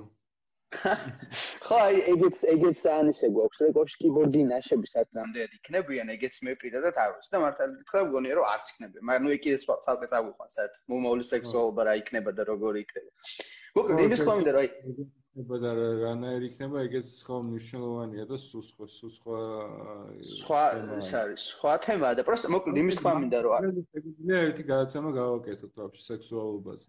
სექსუალობა ძალიან საინტერესო იქნება მართლა კი ანუ ვაფშე როგორ შეგვიძლია წარმოვიდგინოთ მომავლის სექსუალობა და ზოგადად ეხა როგორც ვითარდება აი როგორც შეიცვალა ვაფშე ეგეც ძალიან საინტერესო იქნება და მაგაზე როგორ ვლაპარაკა რა ფორმები რო იცლება ყველაფრის რა. ხო და მოკლედ რა შევამბობდი ეხა ძალიან იქი წავედი რომ აა უბრალოდ ანუ მე მგონია რომ ყველას გვაქვს სადღაც მიდრეკილება იმის რომ გადავრჩეთ უბრალოდ ფორმებით რისაც გამოვხატავთ ამას სოციალიზაციის ერთ გამოვხატავთ არის ზოგი ესე ვთქვათ არც თუ ისე ჭალებს საინტერესო და არც სასარგებლო საერთოდ ვიდრე რაღაცეები მაგათ თუ მე მარტო მაინტერესებს რა მაგარი მანქანაში ჩავჯდე სადღაც ეს მგონია რომ ამის უკან მაინც ის დგას რომ ანუ ეს ტიპი ასოცირებს თუ კარგ მანქანაში ზის რაღაცით პრივილეგირება და ტომ ტომებრივი სირთვება რა ტომში ვინც გამორჩეული იყო მას უფრო დიდი შანსი ჰქონდა რომ გადარჩენილი იყო და მათ შორის გამრავლებული იყო და მისი გენები გავრცელებული იყო ანუ უბრალოდ თავარი რაღაც რაც არის ჩემი ეს გადასაზრებელი აქ არის ის რომ რა გვინდა რომ გადარჩეს? ანუ რა გვინდა გადარჩეს? გადარჩეს ის რომ მე ვიცხოვრო პირობითად ან ბრმა ინსტინქტებს მიუყვე და დავემორჩილო ჩემს უბრალოდ ინსტინქტს რომ მე უნდა გამრავლო და ჩემი გენი უნდა გავავრცელო ისე რომ მე მე მოუყვე პირობითად წავიშალო თუ დავინტერესებს ეს არის იმის გზა გურჯევი რასაც ეძახის უსულო ადამიანებს ან გურჯევი ამბობდა ესეთ რაღაცას რომ ადამიანი იბადება სულის გარეშე სული უნდა გამოიმუშავოს ყველა ადამიანი იბადება ბიორობოტად, რომელსაც რომლის თავარი მიზანია ევოლუციურად გადარჩენა და მე უკვე შენ როგორ გაუკეთებ სუბლიმაციას სუბლიმაციას როგორ გააკეთებ ამ გადარჩენას ეს უკვე სხვა არის. როცა ეს ედუარდო კაც მიდის და აკეთებს მედუზის გენებიან კურდღელს მან უკვე სულ სხვა რაღაცაზეა ლაპარაკი. მან უკვე გადარჩენაზე კი არ არის მხოლოდ ლაპარაკი. მან უკვე ის არის რომ მე გადარჩენას ერთი არის რომ მე გადავრჩი და მეორე არის რომ მე ახლა კიდე ვქმნი. ანუ ადამიანს ეს ინსტინქტი ხო აქვს შექმნის. რომ მე ვქმნი ახალ სიცოცხლეს. რა ერთ ერთადერთი ბიოარტის ჩვეულებრივი მაგალითი რაც ყველა ადამიანს აქვს, ეს არის ახალი ადამიანის შექმნა. სექსის რა. როცა ჩვენ შეგვიძლია ყველა ბიოარტი გამოვიყენოთ რა, კონდეს სექსი და გავაჩინოთ ახალი არსება დედამიწაზე. ეგ არის ერთადერთი ჯერჯერობით ყველა ყველასთვის მისახმისა მის მისაწვდომი ინსტრუმენტი, რომელსაც ლაბორატორია არ ჭირდება რა. ხო, მასიურად არის ესე ვთქვათ, ბუნება გვთავაზობს ამას, რომ ეს ესე ვქნა. ხო, მაგრამ თუმცა საბოლოოდ აი რისკმაც მინდა რომ არის რომ ანუ კლიანად იდეა რა არის თქო მე მგონია ცოტა გლობალურად თუ შევხედავთ მან შემოდის ესეთი ის მომენტი გადარჩენის მომენტი რომ არა ეს უბრალოდ აი როგორც თქვი ხარ რომ ეს სული უსულო ბიო რობოტი ხო რაღაც დონეზე. არა ეს არამედ გააზრება იმის რომ რაღაც დონეზე ჩვენ ვართ სახეობა რომელიც უდიდეს ინფორმაციას ატარებს უკვე და ეს ინფორმაცია არ უნდა დაიკარგოს როგორც ინდივიდის ასევე კოლექტიური და გავაკეთოთ ბევრად მეტი იმისთვის, ყველა ვინც რას ვაკეთებ ჩვენს სფეროებში პირობიტად, ხო? მე შეიძლება ხარ ვიყო mm-hmm. ბიოინჟინერი ან გენური ინჟინერი, მაგრამ მე ვიღაც ადამიანებში შევიტანო ეს ინფორმაცია, გინდაც იმით ხარაც მე შევაკეთებ, ხო? Mm-hmm. ხო და აკეთებ.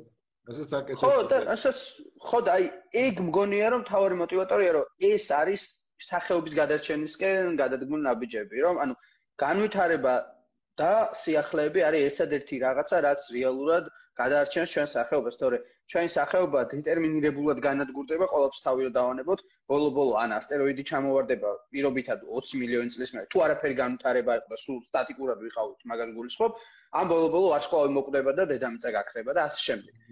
ამიტომ აი მე ეგრე ვუყურებ აი ბიოარზეს რო ლაპარაკობ, ჩემს არის რაღაც ინსტრუმენტი, ესეც რომელიც ძალიან საინტერესოდ არის. სიამონების შეგნების მომენტიც არის, სუფთა ხელოვნების მომენტი, პოეზიაც არის ხო რაღაც დონეზე.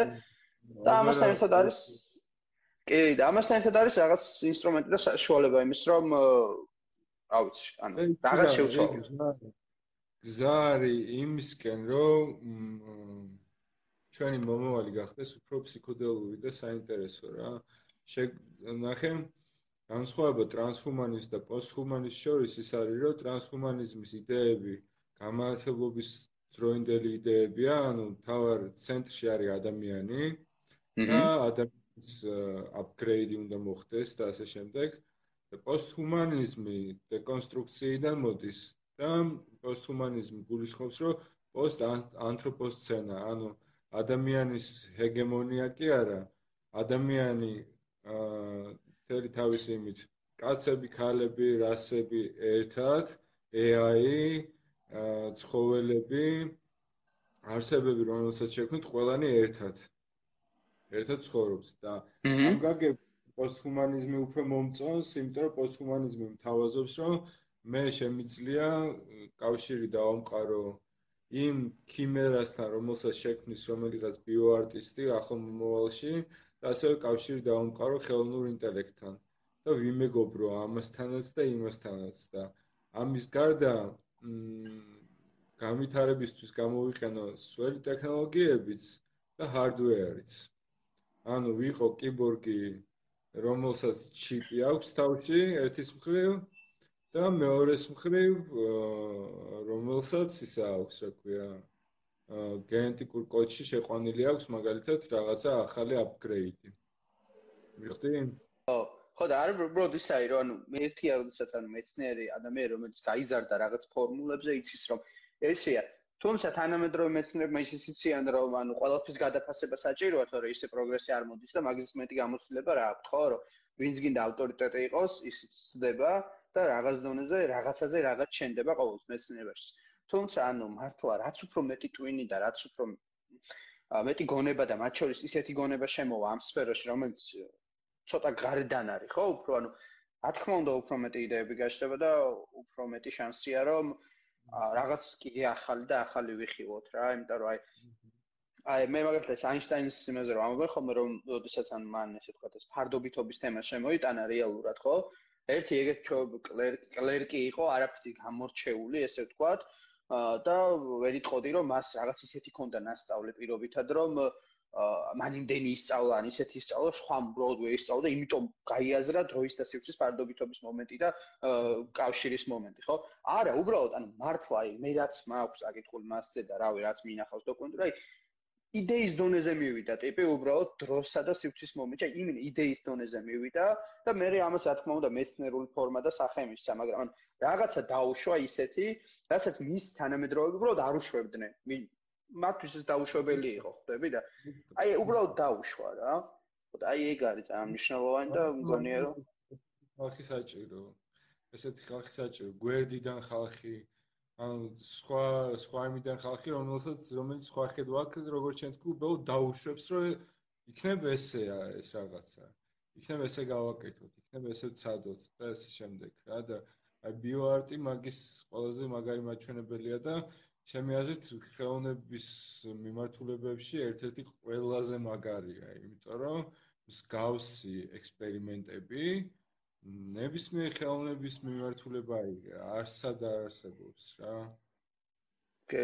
ხო, იცი რა დამაინტერესა ახლა უბრალოდ რომ ანუ აი ჩვენთან რამდენად წარმოგიდგენია რომ ეგ რეალური იყოს რომ რაღაც იდეა გაგიჩნდეს ეგეთი და განახორციელო ან ჩვენ თუ მოგშლე ვაფშე რამე ისეთი რომ გინდა რომ ფიქრობ რომ რაღაცა თუ ითქმის ახლა თქვა აი პროექტში. ჯერ რთულია იმიტომ ჩვენთან არ მგონია ჯერ ჯერ ერთი ეგეთი ლაბორატორიები იყოს. ხო, ძლიერი ლაბორატორიები. მე მეორე პირველი რომ ძლიერი ლაბორატორიები არ არის, მეორე რომ რომ ციყოს რამე ლაბორატორია წარმოიდგინე საქართველოში რომ მიდიხარ და ეუბნები რომ იცი ეხლა მედუზის მწვანე გენები მინდა შევარდო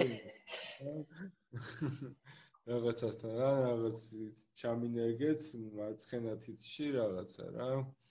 ძალიან რთული ასაკები იქნება რა რატო გინდა ამის გაკეთება? იმიტომ რომ ჯერ ჩვეულებრივი არტისტები ეჯახებიან ისეთ რაღაცებს რომ არის მითხალხდები რატო აკეთებენ ეს არტისტები ამ რაღაცას რომ თქვენ გიჟები ხო არ ხართ და რაღაც და ეხლა წარმოიდგინე აქ ლაბორატორიაში რომ მიხვიდე და აუხსნათ რა.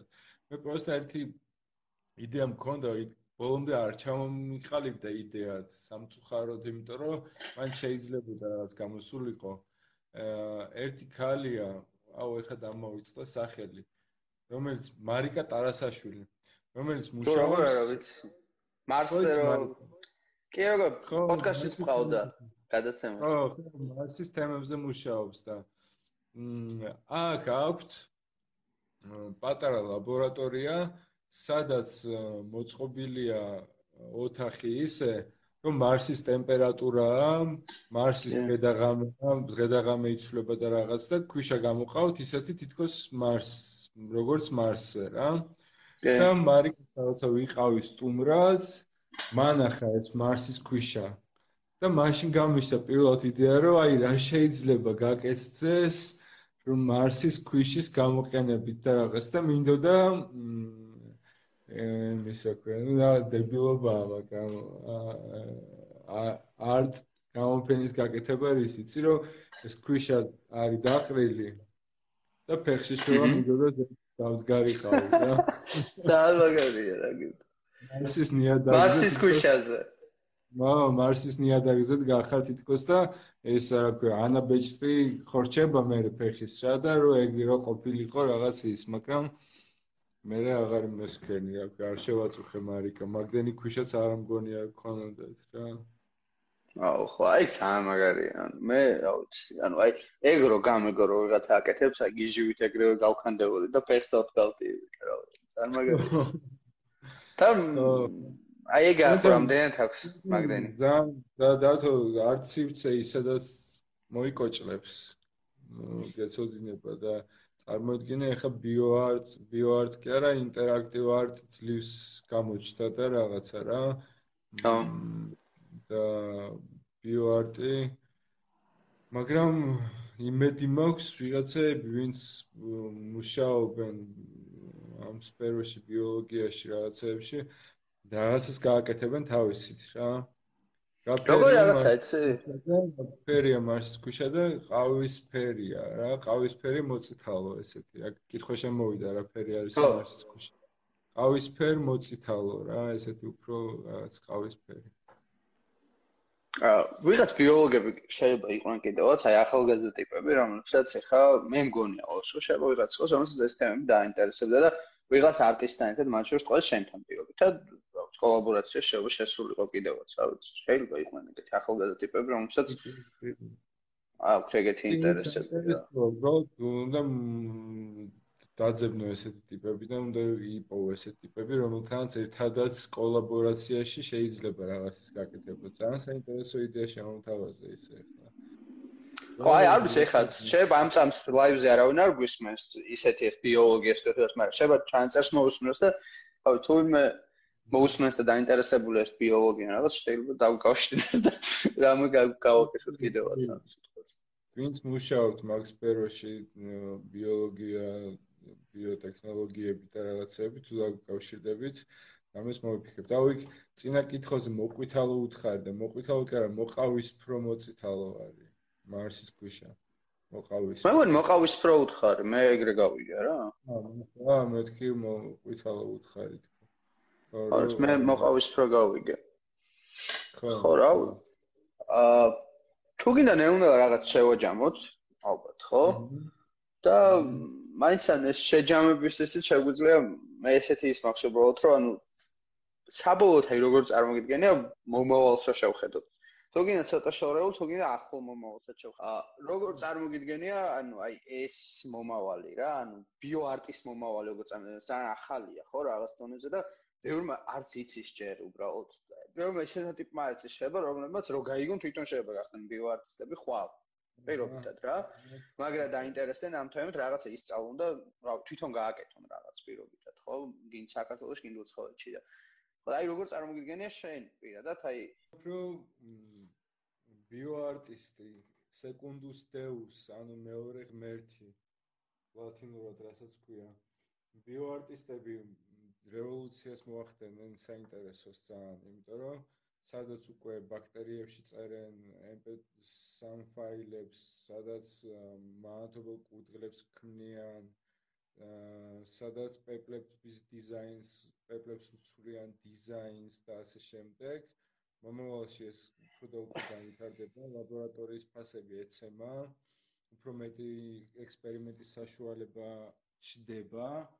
და ჩემი აზრით ბიოარტისტები მივლენ იქამდე, იმ ზღვარამდე, როცა უკვე თქვათ აი ამერიკის შეერთებული შტატები ან ევროპა იტყვის, რომ ოპ ოპ ოპ ოპ სტოპ სტოპ, ეხლა აქ უნდა გადავწყვიტოთ, რომ ეს რაღაცა ლეგალურია თუ არალეგალურია. ყველა ვარიანტში მივლენ ძალიან მალე მაგამდე რა. იმიტომ რომ გენეტიკის ევოლუციურ დიზაინს ეთამაშებიან რა, გენეტიკურ კოდს ეთამაშებიან. გენეტიკურ კოდში შეყავთ ცვლილებები, ბაქტერიებში შეყავთ ცვლილებები, ბაქტერიებში წერენ ინფორმაციებს და ვინ რა არც მოიფიქრებს კიდე ხვალ და ზეგ. ვიღაცამ შეიძლება ცხენში შეიყვანოს საკუთარი დნმ როგორც იმან ედუარდო კაცმა შეიყვანა სცენარეში საკუთარი დნმ და წითელი შეფერილობა რაც ჰქონდა იმ სცენარეს იყო ედუარდო კაცის სისხლი ანუ ამ ადამიანის სისხლი იყო მცენარეში შიგნით და მცენარე გახდა ცხოველი, რა მცენარე და ცხოველის ნაზავი და ვიღაცამ ხოლმე შეიძლება ცხენში შეიყვანოს თავისი გენი, ან ცხენის გენი შეიყვანოს საკუთარ თავში. როცა ძალიან ძალიან საინტერესო სფერო არ ვიცი ვინ რას იზავს რა ვის რა იდეები აქვს და ეხლა ამ წამს პლანეტაზე ვინ რაზე მუშაობს რეალურად არ ვიცი ინფორმაცია არ მაქვს მაგრამ მგონია რომ ძალიან მალე მივალთ ბიოპოლიტიკის იმ წერტილამდე სადაც დაიწყება განსაზღვრა რომ ეს ახლა ლეგალურია თუ არალეგალურია ეს ეს ახლა გავაკეთოთ თუ არ გავაკეთოთ? შეიძლება თუ არ შეიძლება და შემოვა უკვე ბიოპოლიტიკა რა სადაც არტისტები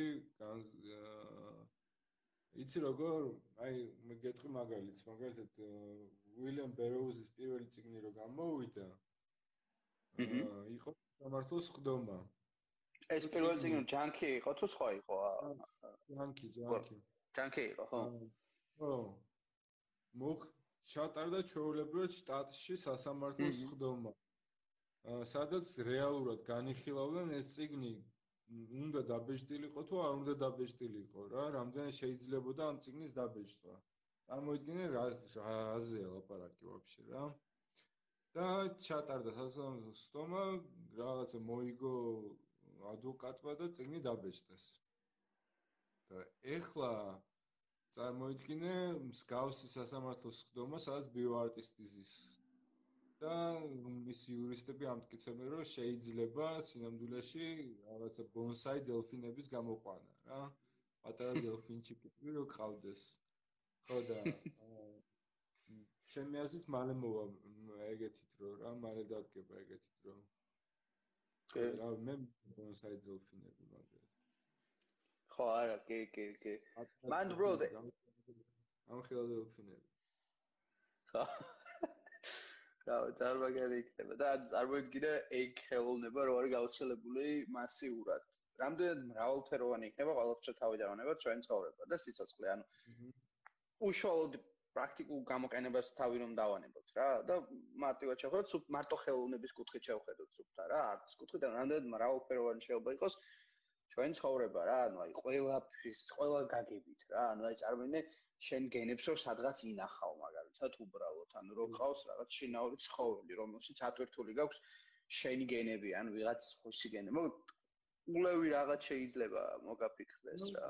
ხო და ან ქიმერების ეპოქაში ისედაც ცხოვრობს, ტრანსპლანტაციები ხო არსებობს ორგანოების, ხო ჩვეულებრივად ტარდება ეგ ოპერაციები და ასე შემდეგ. ანუ ჩვენ უკვე ვართ ამ ქიმერების ეპოქაში და ჩვენც ასევე შევდგებით 10000 ბაქტერიისგან და სხვადასხვა ბიოლოგიურ ნორმატისგან ხო რომელიც არის ჩვენც გარკვეულწილად ბიორობოტები და ქიმერები ვართ რა და აა დაზი გამიწდა ხა აა იდეა ის არის ალბათ მაგას ამბობდი რომ ხო. მასიური გახდება არ ვიცი მაგრამ წესი და რიგით ფასები რო ეცემა აა ყოველთვის ჩდება ახალი ხალხი ვინც იყენებს ამ ტექნოლოგიას რა. თუ რაღაცა 20 წლის წინ ღირდა 2 მილიონი და ეხლა ღირს 2000 რა თქმა უნდა ადგები და გააკეთებ მაგას რა. კი. კი ბატონო. ნამდვილად ნამდვილად და რა ვიცი ანუ იმედი ვიქონიეთ მოკლედ რომ რა შეიძლება მალე დაიძრება ეს პრო დაძრულია მომენტ პროცესები უბრალოდ უფრო განვითარდება მალე და ბევრ ძალიან საინტერესო რაღაც მოვესწრებით და იმედია კიდე ისო ჩვენ თვითონაც მოგვეჩენა გინდა საქართველოსში საშუალება რაღაც ისეთ საინტერესო რაღაცები ვაკეთოთ ხო ძალიან გაასწორებ და ეგეთ რაღაცა ქართული პილარტი რა შეიძლება ბევრი მაგარი კაი რაღაცა იქნებოდა რა. აა მე ვთხოვ ძალიან მაგარია თქვენ რასაც აკეთებთ nextong რასაც აკეთებთ. რა მთელი ამ ინფორმაციის მიწოდება ხალხისთვის აა ეს სტატიები თარგმანები ინტერვიუები და ასე შემდეგ რა იმიტომ რომ მართლა ისე ვიმეორებ ხალხი ვინც ამაზე ფიქრობს ვინც ამაზე მუშაობს პროცენტულად პლანეტაზე ძალიან ცოტაა. ძალიან ცოტაა. დანარჩენი ადამიანების უმრავლესობა სიგარიბეში ცხოვრობს, სიგატაკეში ცხოვრობს, ომებში ცხოვრობს. ვინც სიგატაკეში არ ცხოვრობს და ისე არის ლაქშერი და რაღაცა საერთოდ არ ფიქრობს მაგაზე რა. ისევ და ისევ ფიქრობს მეტი მანქანა იყიდოს, მეტი მონა ყავდეს, მეტი რაღაც ყავდეს და რაღაცა ძალიან ცოტაა. პროცენტულად ის ადამიანები, ვინც ფიქრობენ იმაზე, რომ როგორ უნდა განვითარდეს კაცობრიობა და აა საითკენ უნდა წავიდეთ და რა უნდა გავაკეთოთ და ასე შემდეგ და ამიტომ მსგავსი პლატფორმა როგორც თქვენია არის სუპერ. იმისთვის რომ ეგეც იმ პროცენტში შედის ხალხის აი პატარა პროცენტში რომელიც კაცობრიობას ავითარებს რა ხომ, რავი, ანუ ვცდილობთ და თან ის არის ესეთი რაღაცაა, რომ როცა ეს ინფორმაცია გავს, მე დავირუსებული ხდები და გინდა რომ სხვასაც გადასდო რა და გაავრცელო და გაავრცელო და აუ ეგ პროცესია რა. აი, ეხა იყო ერთი შეკითხვა ესეთი და მგონი მაგჭებულად დავთორთ, იმიტომ რომ ისეთ პასუხი უნდა გავცე, რომ მგონი შეჯამება არ გეშინიათ თომ ამ ყოველფრისო, ანუ ამ ყოველფრის ცხოვრებისო და ესეთი მომავლისო და ანუ მაგაზე არის ესეთი ჩემი აზრით ესეთი ანუ თუმცა მე მაქვს ესეთი პასუხი, რომ მე მეშინია იმ რეალობაში ცხოვრების რომელშიც რეალოდ ეხლა ცხოვრობთ და კიდე უფრო საშიში იყო რომელშიც ცხოვრობდით ადრე. როცა რეალურად ადამიანები საშუალო ასაკი სიცოცხლის ხო ანუ იყო 30 წელი. ან თუ ან ბუნება ძალიან კარგია მაგრამ ხო ბუნებას თუ შეხედავ რეალურად რა გამოდის რომ ა ჩნდები რაღაცა 30 ლამდე ბრავდები პირობითად ვამბობ უფრო წარსულში ვამბობ რა როდესაც მომთაბარე ტომები იყო ხომ ხოლოდ და შემდეგ რაღაც 40 წელი შენ უკვე კვარი ხარ ჩათვალე, იმიტომ რომ თუ არ მედიკამენტები არ გაქვს ჩან და არაფერი თუ არ გაქვს შენ ვერ გადარჩები უბრალოდ რა. ვერი არსებებ. შესაბამისად, რა ვიცი, საშში არის იმ რეალობაში ყოფნა, საიდანაც მოვდივართ და კიდევ უფრო საშიაშო იმ რეალობაში არ დაუბრუნდეთ, თორე დღეს რომ ჩვენ ეხა ესე ვცხოვრობთ ის რომ ყავს შობლები, ცოცხლები ზოგადად ბებიები, ბაბუებს რომ ესწრებით ამ თაობა რომელიც ესწრება, ანუ ბაბუების თაობაზე ზოგი დიდ ბებიას და ბაბუას ესწრება, ხო? და შულთაშვილები ყავს ზოგ. ეს არის ზუსტად იმის დამსახურება, რაზეც დამსახურება, მეცნიერების დამსახურება. ზუსტად, ზუსტად. იმის დამსახურება, რაზეც ვაპარაკობთ, ხა ჩვენ ნაწილობრივ ბაზის გვაქვს საუბარი. ეგ რო არ იყოს, მაგას ყველაფერს ვერ ვნახავდით ჩვენ და 24 საათი ერთად საფიქრო რაც ექნებოდა ადამიანს არის რა შეჭამოს და არ შესწივდეს, უბრალოდ არ გაიყინოს. ანუ და სადღაც 30 წელს მერე მოკვდეს. ჯერ ერთი 30 წლამდეც ამბერ ვერ მიაღწევ და ბავშვებისგან რო დავიწყოთ, ხო? ანუ რო არ იყოს მედიცინა, ბავშვების გადარჩენა ყველაზე რთულია ზოგადად. იმიტომ იყო რომ ადრე აჩენდნენ 20 ბავშვს პირობითად და სულწოვანი შევა ყოფილიყო, იქიდან 2-ს მიეღწია. და ანუ ამასაც ალბათ შეგუებულები იყო. ეხლა რო ტრაგედიაა მაგალითად ბავშვის სიკვდილი ხო ზოგადად ტრაგედია, მაშინ იყო რომ 20 ბავშვს აჩენდნენ და ორი ხდებოდა სრულწლოვანი. ამიტომ ეხლა სამბელ ხო. დავამატებდი კიდე იმას რომ არ უნდა გვეშინოდეს რა მაგ მომავლის პირიქით. შიში გასაგებია და ბუნებრივია. პირველი რეაქცია არის ხოლმე ცულებაზე შიში ხო? მაგრამ აა ექსში უნდა გადავლახოთ ადამიანში დევს ის პოტენციალი რა ადამიანი რომ მიდიოდა და ასე ვქო ოკეანეს სერავდა და გადადიოდა სადღაც მეორე მატერიკზე და რაღაცა აი ეგ ცნობის მოყარეობა არსებობს ადამიანში ისევე როგორც შიში და ამ ცნობის მოყარეობას უნდა გავყვეთ ამ ცნობის მოყარეობით უნდა ვიცხოვროთ და ამ ცნობის მოყარეობით უნდა მივიდეთ იმ ახალ კონტინენტებამდე რომლებსაც აღმოვაჩენთ და მივაღწევთ რა. მე უფრო ვცნობს დებთ ცნობის მოყარეობაზე ვიდრე შიშზე თუმცა თუნდაც საშიში იყოს თუნდაც საშიში იყოს საშიში არის რა თქმა უნდა ბევრი რაღაცა დღესაც ვილაპარაკებთ გენური ინჟინერია რაღაცეები თუ რაღაცა არასწორად წავიდა ხელოვნური ინტელექტი და თუ რაღაცა არასწორად წავიდა, ცუდა წავიდა და რაღაცეები, რა თქმა უნდა, ყველაფერი საშიშია, ყველაფერს აქვს საშიში მხარე და კარგი და კარგი მხარეც რა, მაგრამ თუ იმაზე ვიფიქრეთ, რომ ვაიმე ეს საშიშია, ის საშიშია, ვერ გავითარდებით უბრალოდ, ხო? მოდავით. ე, ან ნამდვილად ან სულელების მომენტია. ანუ ადამიანს ბუნებრივად ხო ლოგიკურია ვიფიქროთ, რომ ოდითგან როცა იჯდა პირობითად რაღაც ტომიან ორი სამი ადამიანი გამოქვაბულში და იმ მომენტში ქარციოდა და სიტყვაზე მონადირებული იყო რაღაცა ნარჩენი იყო ხორცის და იმას ჭამდნენ. იმ მომენტში მათთვის ნებისმიერ სიახლე შეიძლება ყოფილიყო საშიში და ზოგადად ინსტინქტურადაც ეგაა რომ როცა იმ წამს რაღაცა არ ხდება შენთვის სიახლე შეიძლება ასოცირდებოდეს საშიშთან იმიტომ რომ სიახლე შეიძლება ბევრი რაღაც მოყვეს საფრთხეთო ხო მათ შორის გარეთ გასვლას სადაც შეიძლება მტაცებელი დაგხვდეს. ხო და მაგ რეალობაში და მაგ დილემისში ყოველდღიურად ანუ ეს ეგრეთ წოდებული გამოქვაბულიდან გასვლა და იქ ტაცებლის დახვედრა ყველაფერს შეიძლება იყოს ტექნოლოგიებში და ნებისმიერ რაღაც განვითარებაში. უბრალოდ აქამდე მოვედით და ჩემი აზრით სადაც აქამდე მოსვლა შევძელთ ანუ იმ გამოქვაბულიდან აკზივართ და აი ეს რაღაცებს ვაპარაკოთ გონია რომ მიუხედავად იმისა რომ ძალიან ბევრი რაღაც იმდენი რაღაცა მაინც შევძელთ რომ ას აქამდე მოვედით და კიდე უფრო დიდი შანსია იმის რომ სამ ბიშეთ შეცნობი არ დაუშვათ მოკლედ რომ თავი გავინადგუროთ რა რაღაც დონეზე და წინ და წინ წავიდეთ და იმისთვის რომ თავი არ გავინადგუროთ პირველ რიგში არის ესეთ თემებზე საუბარი საჭირო და მსჯელობა. ზოგადად იმიტომ რომ პირდაპირ რაღაცო დაგვეჯახება ანუ სიტყვაზე მე იმის თუ გააზრებული ჩვენ არ ქონა კი ლიტერატურაში ხელოვნებაში ფილოსოფიაში თუ ზოგადად კომუნიკაციაში ხო? მე ყველაზე მაგარი ფაქტი აიღე კოვიდის ფაქტი რომელიც პირდაპირ დაჯახა და არავინ არ იყო ამისთვის მზად საერთოდ. მაგრამ კიდე კაი გადავრჩით, ხო უცებ სწრაფად მეცნიერებმა რაღაცები მოიფიქრეს, მოიგონეს, რაღაცა ვაქცინა გამოიყვანეს, რაღაც და ასე შემდეგ და ასე შემდეგ და. თუმცა ნუ მაგ ვაქცინას ახლა ბევრი არ იყენებს მაინც, მიუხედავად იმისა, რომ არსებობს ალტერნატივა იმის, რომ გადარჩე, მაინც არ იყენებს. მათ შორის საქართველოს 30%-ს არ არის აცრი. სრულად. სამყაროა. აქ აი დაწერა ადამიანმა რომ სუდადებიც ამბობთ და იქნებ უარყოფითი მხარეებიცო აა თქვათო და მე ვიტყოდი რომ დიდათ ეხლა გავამახვილებ უარყოფით მხარეებზე.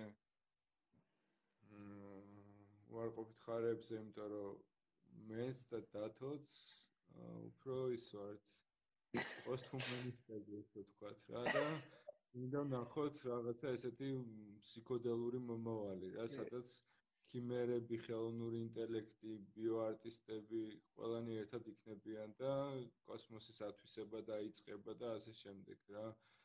მ ეგ არის ჩვენი აზრით პლანეტის მომავალი, ჩვენი გადარჩენის საწინდარი, რომ ჩვენ შევძლოთ ამ ექსპერიმენტების გაკეთება რა, ამ ექსპერიმენტების გაკეთება და ამ ექსპერიმენტების შედეგად წინ წასვლა და ეგ წინ რა დაგხვდება და როგორი იქნება ეგ უკვე საინტერესოა. მაგიტომ ვსჯელობთ ახლა ამაზე რომ როგორი იქნება ეს კაცობრიობა ქვესახეობებად დაიყოფება დაიყოფება ერთი სახეობა იქნება გენეტიკურად განვითარებული ადამიანები იქნებიან თუ არა მარსზე წავალ თუ არა და ასე შემდეგ. ამ ყველაფერზე ვსჯელობთ თქვენთან ერთად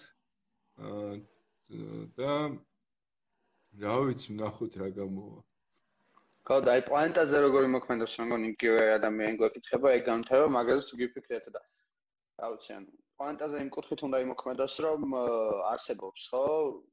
როდესაც შენ სიტყვაზე ხვდები ანუ გაქვს ჰარმონიული არსებობა თანაცხოვრება, ესე ვთქვათ, პლანეტასთან და არა ის გაუცხოება, რაც სიტყვაზე ბევრ კიდაც აი კორპორაციებსაც მოაქვს ხო ზოგადად. ან ჩვენ არ ვსაუბრობთ იმას ყოველ შემთხვევაში რომ რაღაცა სული გაუცხოება უნდა მოხდეს პლანეტის მიმართ და შენ ამის პლანეტა გინადგურდებოდეს და იძე და რაღაცაზე პროსტა ლაპარაკობდე ანუ. მეცნიერება იმისთვისაც არის საჭირო მათ შორის რომ პულსზე ედოს პლანეტის ხელზე პულსზე ხელი ედოს პლანეტის და ხვდებოდეს იმას თუ რა სიტყვაზე ვაზიანებთ ან არ ვაზიანებთ ან შეიძლება თავისით იცვლებოდეს რაღაცეები და პირიქით მივიღოთ ზომები რომ ეს სულებები შევანელოთ ან ასე შემდეგ ანუ ანუ ეგ არის რა ვიცი პასუხი მეცნიერების გარშე უბრალოდ საერთოდ ვერც კი გავიგებდით პლანეტა რას აკეთებს? როგორც მაგალითად დინოზავრებს დაემართათ ხო? გაქრნენ უბრალოდ. ისე რომ ვერც გაიგებს რატო გაქრნენ? აჰა ზუსტად. რა ვიცი ეგ არის მე მგონი და მოკლედ ძალიან ძალიან კაი ხო რა ვიცი რამის დამატება ხო არ გინდა შენ კიდე ისეთ არა არა, მგონი ეგ არის რა. კი, კი, რაღაც აი ხანი გამოგვივიდა რაღაც საათ ნახევარია, მოვაპარაკოთ როგორც მინიმუმ. კი. კი. ხო და რა ვიცი, მოკლედ, ძალიან დიდი მადლობა შენ, მადლობა ვინც მოგვისმინა ყველას და რა ვიცი, მეტია დაგაინტერესათ, ბევრმა რაც ვისაც გაინტერესებთ ეს თემა რაღაც ახალი გაიგეთ, ან ზოგადად შეიძლება ბევრმა არც იცოდა ბიოარტზე და მე ხა გაიგო და კიდევ უფრო მეტ შეიძლება გაიგოთ ინტერნეტში, ხო? რამც და რაც შეეხება ამ ლაივს, ჩავიწერთ და ავტორთავთ ყველა პლატფორმაზე ჩანწერის მოსმენად შეგეძლებათ, ასე რომ რაც დროებით აბა ყველას. კარგად. აგერ.